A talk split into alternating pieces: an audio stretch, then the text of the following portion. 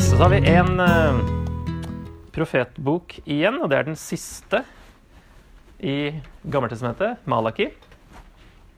Som betyr faktisk 'min budbærer', så man kan jo lure på er det et navn eller er det et ordspill.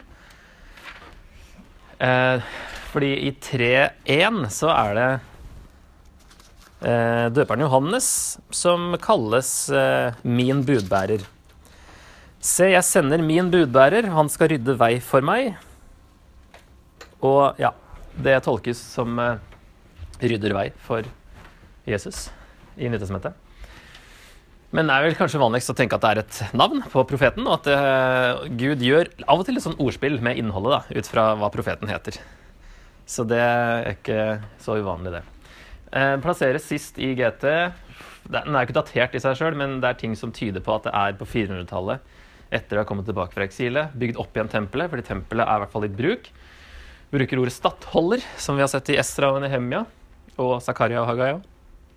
Det er liksom den, I stedet for konge så hadde de en stattholder eller en guvernør som var utnevnt av perserne.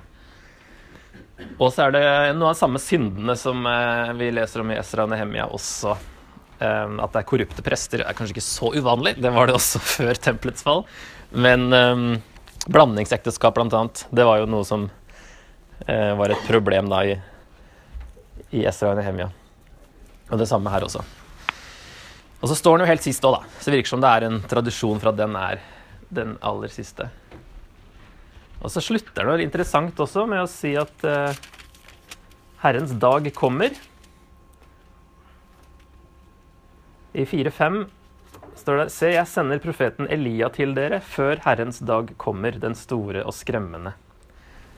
Og så blir det hengende litt, og så dukker, er det jo spørsmål om Elia i Nytestamentet. Er du Elia? Ikke sant? spør de både Jesus og døperen Johannes. Eh, så det var en sånn forventning om at et eller annet Elia skulle skje. Han dukker jo opp på fjellet ikke sant? når Jesus er der, og han og Moses plutselig dukker opp. så det er noe med Elia som blir liksom hengende i lufta da, etter eh, Malaki og etter Gammeltestamentet. Boka eh, er eh, Altså, det er egentlig Gud som sier noe, folket som svarer, og Gud som forklarer. Sånn hele veien. Eller nesten hele veien. Gud sier i første avsnittet 'Jeg elsker dere'. Og så sier folket 'Hvordan da?' Og så svarer Gud 'Se på Edom'. De gikk under, men dere har ikke gått under. Ikke sant? Så drar han helt tilbake til Jakob og Esau, som da var stamfedrene til, til Israel og Edom. da. Brødrefolk. Ikke sant? Så jeg elsket dere.